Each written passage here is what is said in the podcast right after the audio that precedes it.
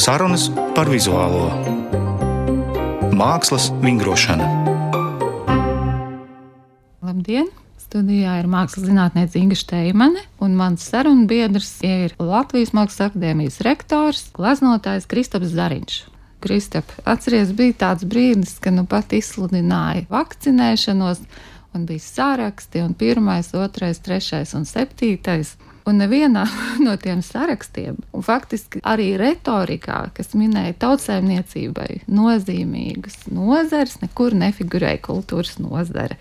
Tas bija saprotams, tā bija tāda izmisuma glābšanās programma, un tomēr, tomēr tas, manuprāt, kaut ko liecina par to trauslumu, kādā mēs visi kultūras nozares darbinieki atrodamies. Kā tu nokomentētu šo situāciju? Laimējies ir tiem, kuriem ir darbnīca un kuriem ir līdzekļi, lai var, teiksim, gleznotāja gadījumā nopirkt krāsas un audekli, jeb, nu, vienalga, ar ko glezno. Atrodoties darbnīcā, un, teiksim, manā gadījumā man nav asistentu, bet, nu, Rūbens gadījumā būtu savādāk tad uh, es varu nodarboties un gleznot. Nu, tas mani glābi no izmisuma. Bet uh, tautsēmnieciski nozīmīgi tas ir vai nav? Tautsēmniecīgi tas ir visnotaļ nozīmīgi. Tāpēc, kā bieži pasaules muzeji pārdod kādu slavenu mākslas darbu, lai nosaktu kārtējos tēriņus. Arī tas, ka ir mazāk uh, cilvēku, kuriem ir psihiskas problēmas, jo viņi var gleznot. Rainis saka, ka māksla esot bagāta kuram viņa neaizkustina dvēseli, tam viņa dod vismaz pieredzējumu un piedzīvojumu, ko cilvēks savā nabadzīgajā dzīvē nevarētu piedzīvot. Nu, es mazliet pārfrāzēju, bet, vārdu sakot, daudz klasikā, daudz arī mūsdienās ir šie apgalvojumi par mākslas nozīmīgumu, un mēs paši arī uzturam šo retoriku. Un politiķi šo retoriku arī uztur mieru laikos, bet tiklīdz ir krīze, tā ir pamats šaubīties par šī uzskata iezemējumu. Bet parunāsim tagad par akadēmiju, par mācīšanu kā tādu.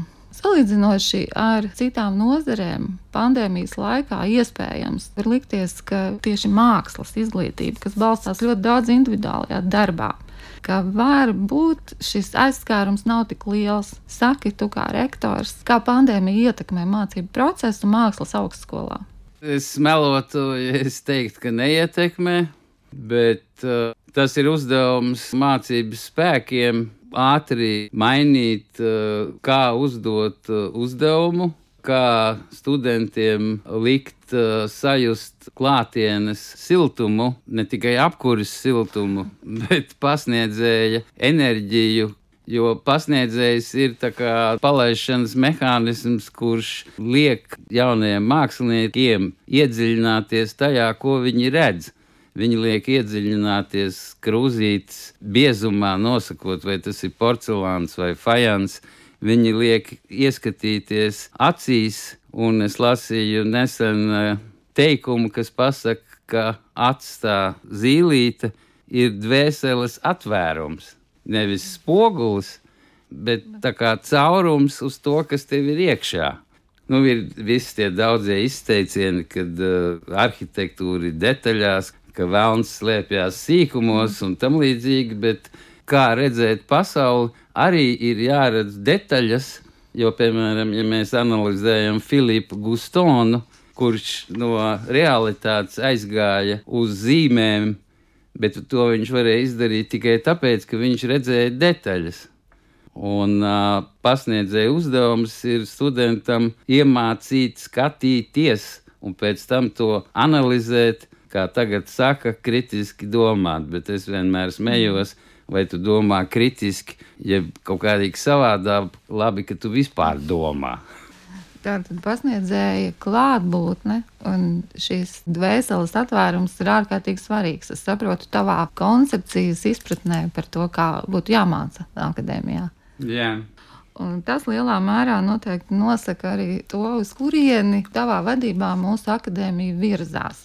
Tas, ko mēs redzam no ārpuses, manuprāt, ir ļoti interesants un labas pārvērtības, jo akadēmijā atkal beidzot ir parādījies dārsts. kas bija aizaudzis ilgi. Akadēmijā ir labēdnīca, saprotu, veģetāra.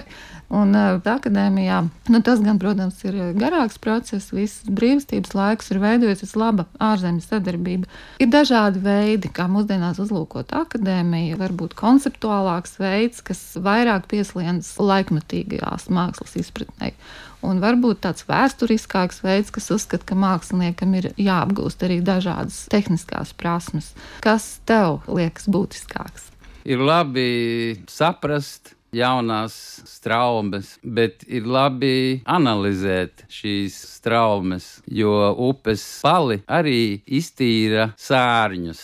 Bet uh, tas, kas ir uh, svarīgi jaunajiem uh, māksliniekiem, ir būt sagatavotiem iziet ārpus akadēmijas sienām un nonākt tajā nežēlīgajā dzīvē, ko daži sauc par paradīzi, daži par elli būt drosmīgiem, teikt savu pirmo radošo domu un nebaidīties no tā, kur tā doma aizvedīs. To neesmu es izdomājis, to teicis Brodskis. Jo tikai liels mākslinieks ļaujās savas radošās domas vadīšanai.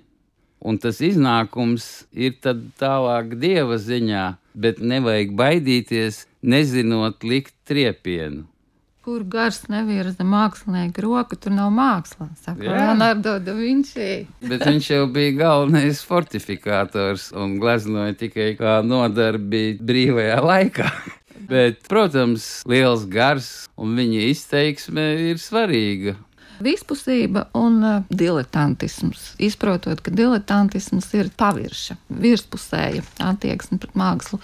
Jaunam māksliniekam, studējošam māksliniekam, topošam ir jābūt vispusīgam.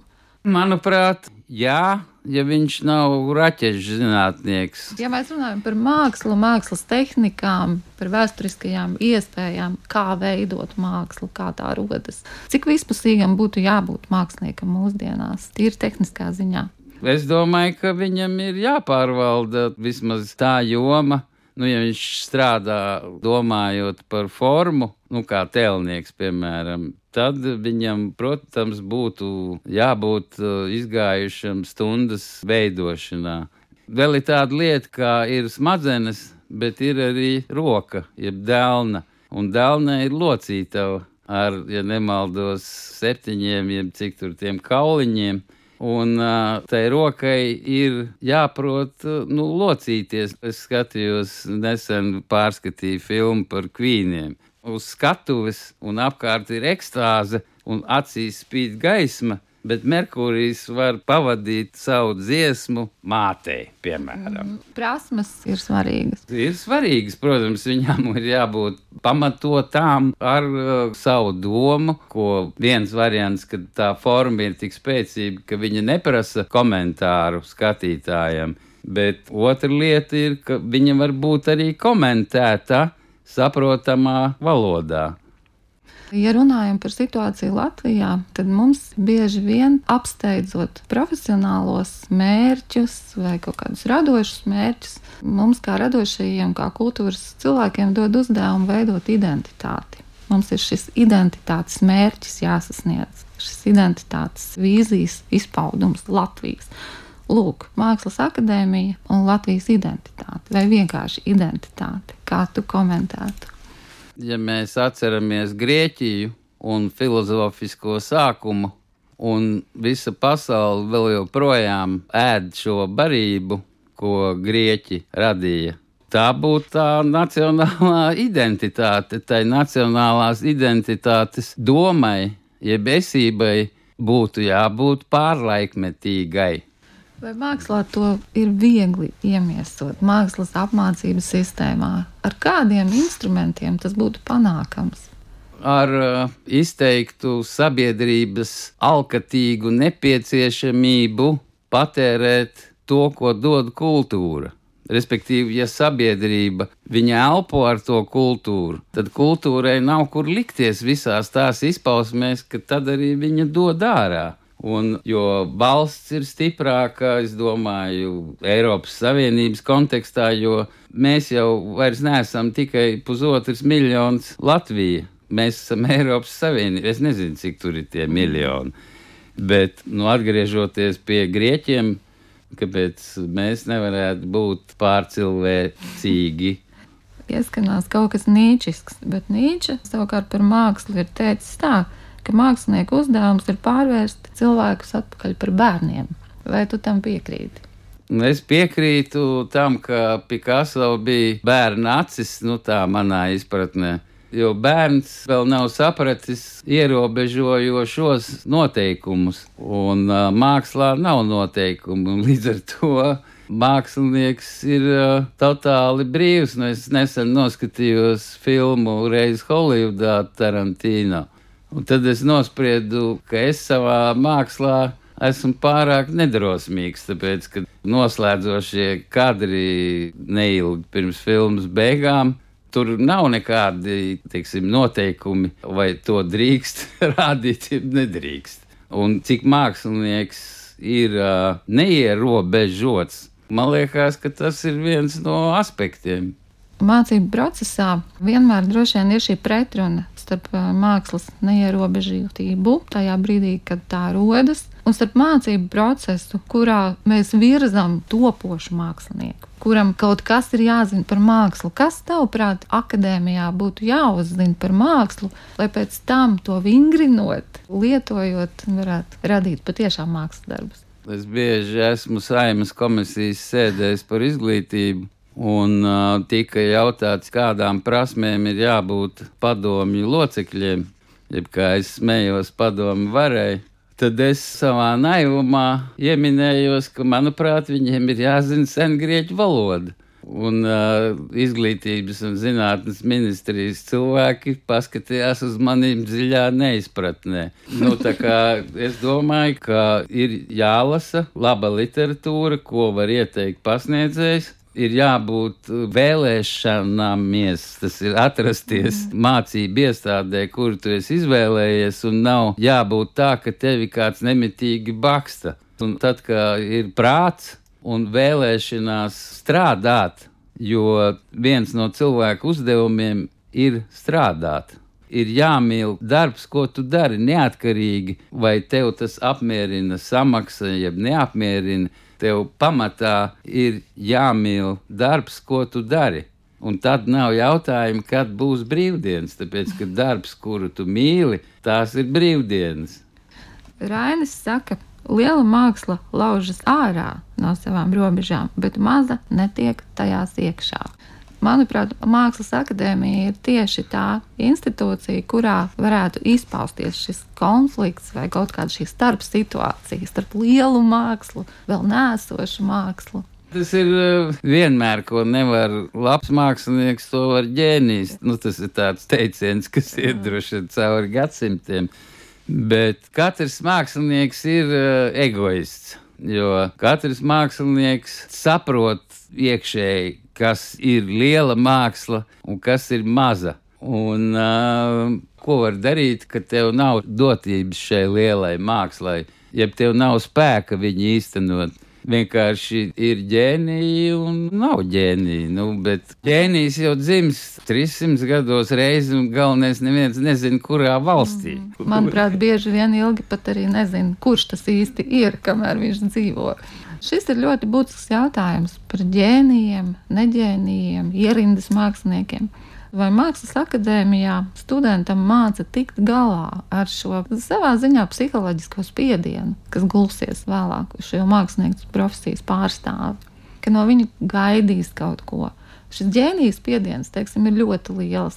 Es nevaru runāt par visām apakšnodarbēm, bet pēdējā senātā es aicināju pasniedzējs ar vārdiem, ka lai cik viņi domā, viņu priekšmets, ja mācību uzdevums ir svarīgs, lai pa priekšu pajautā, kā studentiem iet.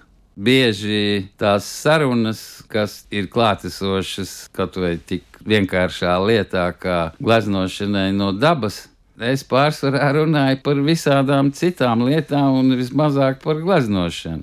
Tāpēc, ka nekas nav vienkāršāks kā gleznot no dabas. Es tā braucu vakar mājā un domāju, vai laikmetīgā kontekstā Van Gogs būtu slavens, tāpēc, ka viņš nogriez ausi, jeb tāpēc, ka viņš ir talantīgs glaznotājs. Mākslas vingrošana. Studijā ir Latvijas Mākslas akadēmijas rektors, glaznotājs Kristaps Dariņš un es, mākslas zinātniece Inga Šteimane. Balans starp mākslas labumu, tātad šo tautsēmniecisko atzīstamību un uh, mākslas pašas kā nozares, kā profesionālu centienu, kā ideālistisku centienu virzība. Starp to arī, manuprāt, vienmēr mācību procesā ir pretruna. Kas ir vērtīgs sabiedrībai, kas ir vērtīgs mākslas procesam? Nu, Rainis teica, ka viņš mīlēja saules siltumu un gaismu, un uh, viņš bija Kastaņolā, Šveicē. Un es par to es vienmēr domāju, ka viņš dažādu iemeslu pēc tur bija, bet tai pašā laikā viņš varēja arī tur būt. Tāpēc, ka kalnos tas saules siltums ir siltāks, jūtams. Man šī doma vienmēr maisās pa galvu, it sevišķi ejot un redzot to Aspāzijas māju, kur viņi laipni aicina motobraucējus ienākt. Nu, ja mēs padomājam par munku un to gleznu kliedziens, saules atspīdums, kas ir simtiem tūkstoši reizes parafrāzēts, mm -hmm. un tiem darbiem, kas ir redzami Oslo Munka muzejā, lielums priekš manīm, varbūt es neesmu izglītots, priekš manīm viņi ir totāli garlaicīgi. Un tikai daži, kurus es minēju, un vēl, teiksim, pieci, mani uzrunā. Bet ir tādi mākslinieki, kā Picasso, lai gan viņš teica, ka tas zilais periods ir vislabākais un vispārējais ir rotaļa. Tad uh, es arvien biežāk pētu to brīvības garšu, kas ir tajā Picasso darbos, arī tā keramika. Es vēl pie sevis domāju, nu, tā keramika, tad ir jāanalizē tā forma, jeb tā kā tas ir tas, kas uzgleznots. Un es arī vienmēr nonāku pie kaut kādas dilemmas. Jo keramika, nu, sevišķi tad, kad viņi ir liela, ja daudz kā IVV, viņa aiziet līdz instalācijas izmēriem, jeb skulptūras izmēriem, un ja viņi vēl ir apgleznota, tad cilvēks ir tā tādā Holivudas kalniņu zemē, jo tur ir forma, krāsa, un tad ej, nu saprot, vai viņš ir jāanalizē kā glezna, vai kā apgleznota keramika. Māksla ir tik sarežģīta un tik dažāda, un uh, katram studentam ir diezgan grūti izvēlēties to ceļu. It sevišķi apdāvinātiem studentiem, kuri var būt čurļonis, tur raksta mūziku, tur dzēju, glezno un nepazust tajā. To var izdarīt tikai ar iekšēju disciplīnu. Tā kā tīdemans esot uzlicis cepuri un aizbēdzis no darbnīcas, lai nesamaitātu bildi ar vēl kādu krāsu pļēcku. 80. gados, kad mēs mācījāmies akadēmijā, bija ārkārtīgi milzīgi konkursi, lai tur iekļūtu. Kā ir tagad? Ņemot vērā šo neskaidro likteni, kāds māksliniekam seko tad, kad viņš ir beidzis šo akadēmiju, respektīvi Nu, nav šī valsts pasūtījuma, ļoti mazs Latvijā. Vismaz ir šis mākslas tirgus. Protams, varam skatīties plašāk, Eiropas mērogā, bet, ja runājam par Latviju, vai var pastāvēt tāds sociāls aspekts, ka jauni cilvēki mazāk izvēlēsies mākslinieku profesiju kā iekārojamu? Nu, es nevaru teikt par uh, to, kas notiek pēc akadēmijas, bet uh, es aicinu pasniedzējus nemitīgi domāt par prasmēm visdažādākajām kuras būtu jāapgūst jaunajam cilvēkam, kas viņam var palīdzēt dzīvē. Skaidrs, ka tās digitālās prasmes, kā ielīst tajā ekrānā ar cipariem, ir jāsaprot, tāpēc ka arī doktori ir vecā skola, kur griež skatoties rētā, bet ir skola, kur griež skatoties ekrānā. Un cik man ir teikuši ķirurgi, šiem abām prasmēm ir jābūt tāpēc ka ekrāns var saplīst, nu, ja viss tā mm. sistēma var notikt neparedzētais, ko ekrāns neparāda. Un tad tev ir jāieskatās rētā. Un māksla būtībā ir atvērta rēta, tāpēc ka viņa nemitīgi pulsē, labā nozīmē viņai ir cilvēku jāievelk. māksla pamatā viņa ir mainīga un viņa ir kā hameleons. Un kā mēs sākumā runājām, tad, ja sabiedrība pieprasīs mākslas klātbūtni, jo tā sabiedrība jau arī būs savādāka, viņa vairs, teiksim, nēdīs maizi, bet tableti. Un tad arī māksla būs kā tablete. Nu, tu apēdi tableti, un tev ir māksla acu priekšā. Kāpēc tā nevar būt? Sākot ar 28. janvāri, izpaudīsies redzamākā veidā projekts, kas ir sadarbības starp Latvijas Mākslas akadēmiju un Centrālo St. Mārtiņu koledžu Londonā. Un tā ir tieši sadarbība studentu līmenī. Un sadarbība apspriežot dažādas svarīgas, laikmetīgas problēmas. Nu, piemēram, mākslas publiskais finansējums, politika un destrukcija attiecībā pret mākslu, māksla un aktīvisms, dzīvās skulptūras vieta, kas determinē kaut kādu māksliniecisku izpausmi. Kā veidojās šī sadarbība? Es saprotu, ka tā ienes arī kaut kādas jaunas vēsmas akadēmijas izglītības procesā. Tas ir pateicoties Mākslas akadēmijas studentam, manam bakalaura diplomandam Kristapam Mansānam, kurš izstudēja San Mārtiņu Fine Art uh, maģistrus, un uh, mēs palīdzējām arī kultūra kapitāls tā skaitā ka viņam ir vēlēšanās atdarīt ar to, ka mēs viņam palīdzējām, atbalstījām tikt Londonā un tad Amerikā un tā.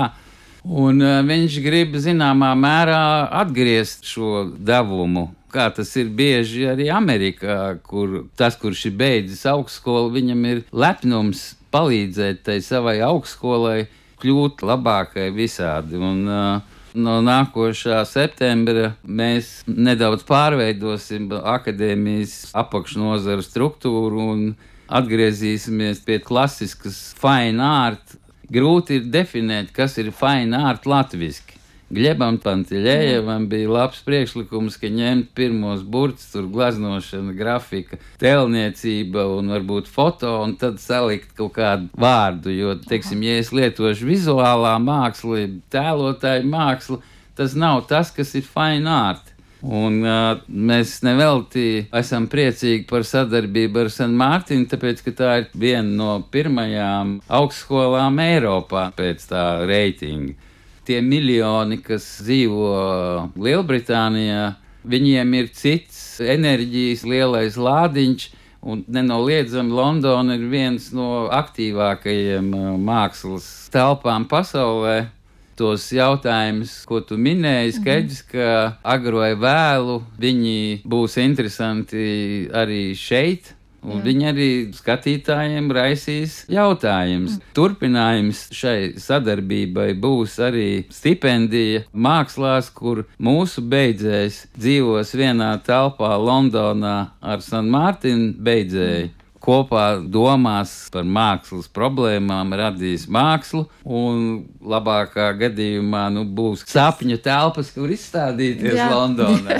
Un pēc tam viņi brauks uz Latviju abi divi, un to pašu darīs šeit. Tā ir divu gadu stipendija, kas iet kopsolī ar šo programmu un tālāk realizējās pēc akadēmijas beigšanas divus gadus. Un tas mm, nosacītais materiālu kopums, ar ko studenti strādā, ir māksla forma un publiskā telpa. Kāpēc tika izvēlēta tieši māksla publiskajā telpā? Un arī šis publiskās telpas precizējums, jo no vienas puses, jebkura māksla, jā, arī izstāžu zālē, arī galerijā, tā ir sava veida publiskā telpa. Bet es saprotu, ka šajā gadījumā runa ir par telpu, kas ir ikdienišķāk publiska, respektīvi iela, kāds skvērs, Tas no vienas puses ir tas jautājums, ko tu uzdevi par nepieciešamību sabiedrībai pēc tās mākslas. Un tas ir viens no tādiem uh, redzamākiem, jo tu ej pa ielu, un gribot, negribos, tu apskatīsi to iznākumu, ja, lai mm -hmm. kāds viņš būtu. Bet galerijā ir jāieiet, muzejā ir jāieiet. Otrs aspekts, ka veidojot starptautiskas programmas, jādomā par šo divu kultūru satikšanos. Varbūt tas ir, eh, es neteiktu, vienkāršākais ceļš, bet varbūt saprotamākais ceļš. Nu, ja divi cilvēki, viens nezina angliski, viens latviešu, bet viņi darbojās telpā, kas ir atvērta, un viņa nav tik ierobežota kā kvadrātmetri galerijā. Un Tātad janvārī notiek lekcijas. Tās varēs klausīties arī kāds cits, vai tas tomēr ir studenta auditorijai. Būs lekcijas, Ko kurās lekcija? varēs arī pieslēgties 28. janvārī, 2016. citi interesanti, jo viņi varbūt būs mūsu topošie studenti, viņi tikpat labi var būt topošie studenti citā kādā pasaules mākslas augstskolā, un viņi var atgriezties un dot savu artavu. Šis finārt aspekts, ko tu minēji, un varēja noprast, ka tādā veidā iezīmēsies akadēmijas perspektīva, tas nozīmētu, ka mūsu akadēmija saglabās tādu plašu skatu uz mākslas tradīciju, uz to, kas māksla var būt. Ne tikai laikmatīgo tehnoloģiju izpratnē, ne tikai konceptuālismu izpratnē, bet arī visas tās materiālās pieredzes izpratnē, kas mākslā ir. Nu, jā, nu, šis solis ir tāpēc, ka, ja mēs skatāmies to pirmo ciklu bakalaura izglītību, kur tiek dotas šīs zināšanas par tehnikām, materiāliem, arī mākslas vēsturi daudzslāņaini, bet maģistratūra ir tā vieta, kur ir jāsina tā perspektīva sava. Tāpēc mēs apzināti mainām tos principus arī mēs papildinām mākslas zinātni ar atsevišķu apakšnodari kuratoru studijas, lai studentiem būtu interesanti atrasties maģistratūrā, un pat tiem, kas ir varbūt beiguši senāk, lai tā maģistratūra būtu radoša mīkla. Un tā akadēmija būtu pareizā temperatūrā krāsns, kur tu ieliec to radošo mīklu, un dabūna ārā smaržīgu produktu. Tas produkts, lai būtu garšīgs visai pasaulē.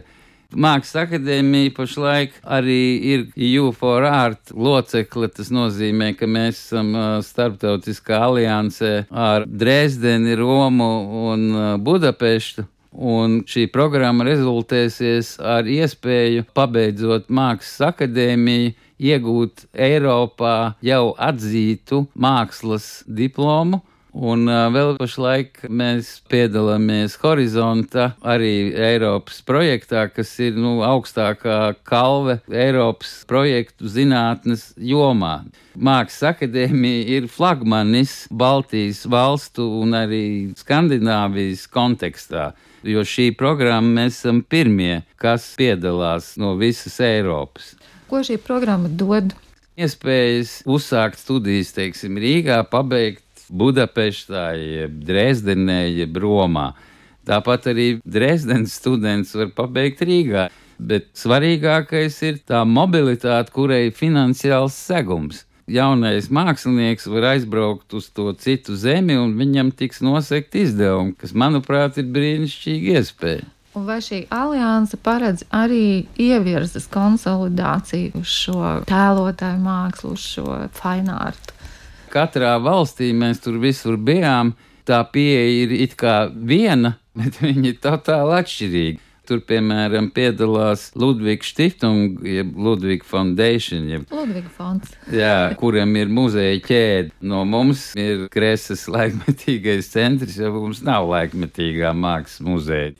Šī vēl klātbūtne dod papildus iespēju studentiem ņemt tās zināšanas, un lai tik pietiek vietas galvā. Saka, lūdzu, vai tev būtiski šķiet arī šī Ludviga fonda tradīcija, kas kopš 60. gadiem, ja nemaldos, padziļināti pētīja arī Austrumēropas mākslas izpausmes. Un Ludviga fondā ir īstenībā liela kolekcija ar šī perioda mākslu. Es esmu priecīgs iet jebkurā muzejā, arī Latvijas muzejos. It kā jau lietas ir zināmas, bet cilvēks mainās, mainās cilvēka apziņa. Un to, ko es redzēju pirms teiksim, 40 gadiem, tagad es redzu pilnīgi ar citām acīm. Nu, ok, tur redzē ir mainījusies, bet priekš tam ir brilles. Un tas jau ir tas interesantākais, ka tas atklājums ir katru dienu respektīvi nodarboties ar mākslu, nav garlaicīgi, tāpēc ka tev ir katru dienu mokas, tev katru dienu ir neziņa, tev katru dienu ir izvēles iespējas, bet tev ir katru dienu iespēja pārvērtēt to, ko tu esi redzējis. Es skatos, piemēram, studijā uz šiem punktiņiem. Man nāk prātā minimālisms, te pašā laikā man nāk prātā Ozerelī ar tiem, kad acis mežģās, man nāk prātā tangī. Var teikt, ir milzīgs plašums mākslā, kur tev nav garlaicīgi.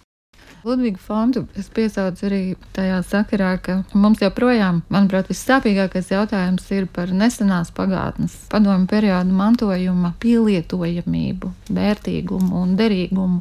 Saki, lūdzu, jā vai nē šīs tradīcijas kaut kādu veidu iekļaušanai apritē. Jā. Īsta atbilde ir starptautiskais tirdzniecības centrs, ko grib uzspridzināt. Es saku, ka nevajag spridzināt. Tā ir mana atbilde. Jā, es arī absolūti uzskatu, ka nevajag spridzināt, jo arī šajā periodā par spīti politikai un sociālajiem absurdiem, manuprāt, ir vērtības, ko ir vērts integrēt tīri kā pieredzi kas ir izdomātas, izsāpētas un kurām ir vieta laikmatīgajā apritē. Paldies par sarunu! Tātad studijā Latvijas Mākslas akadēmijas rektors Kristaps Zariņš, mākslas zinātniece Inga Štēmana. Paldies! Raidījums tapis ar valsts kultūra kapitāla fonda atbalstu.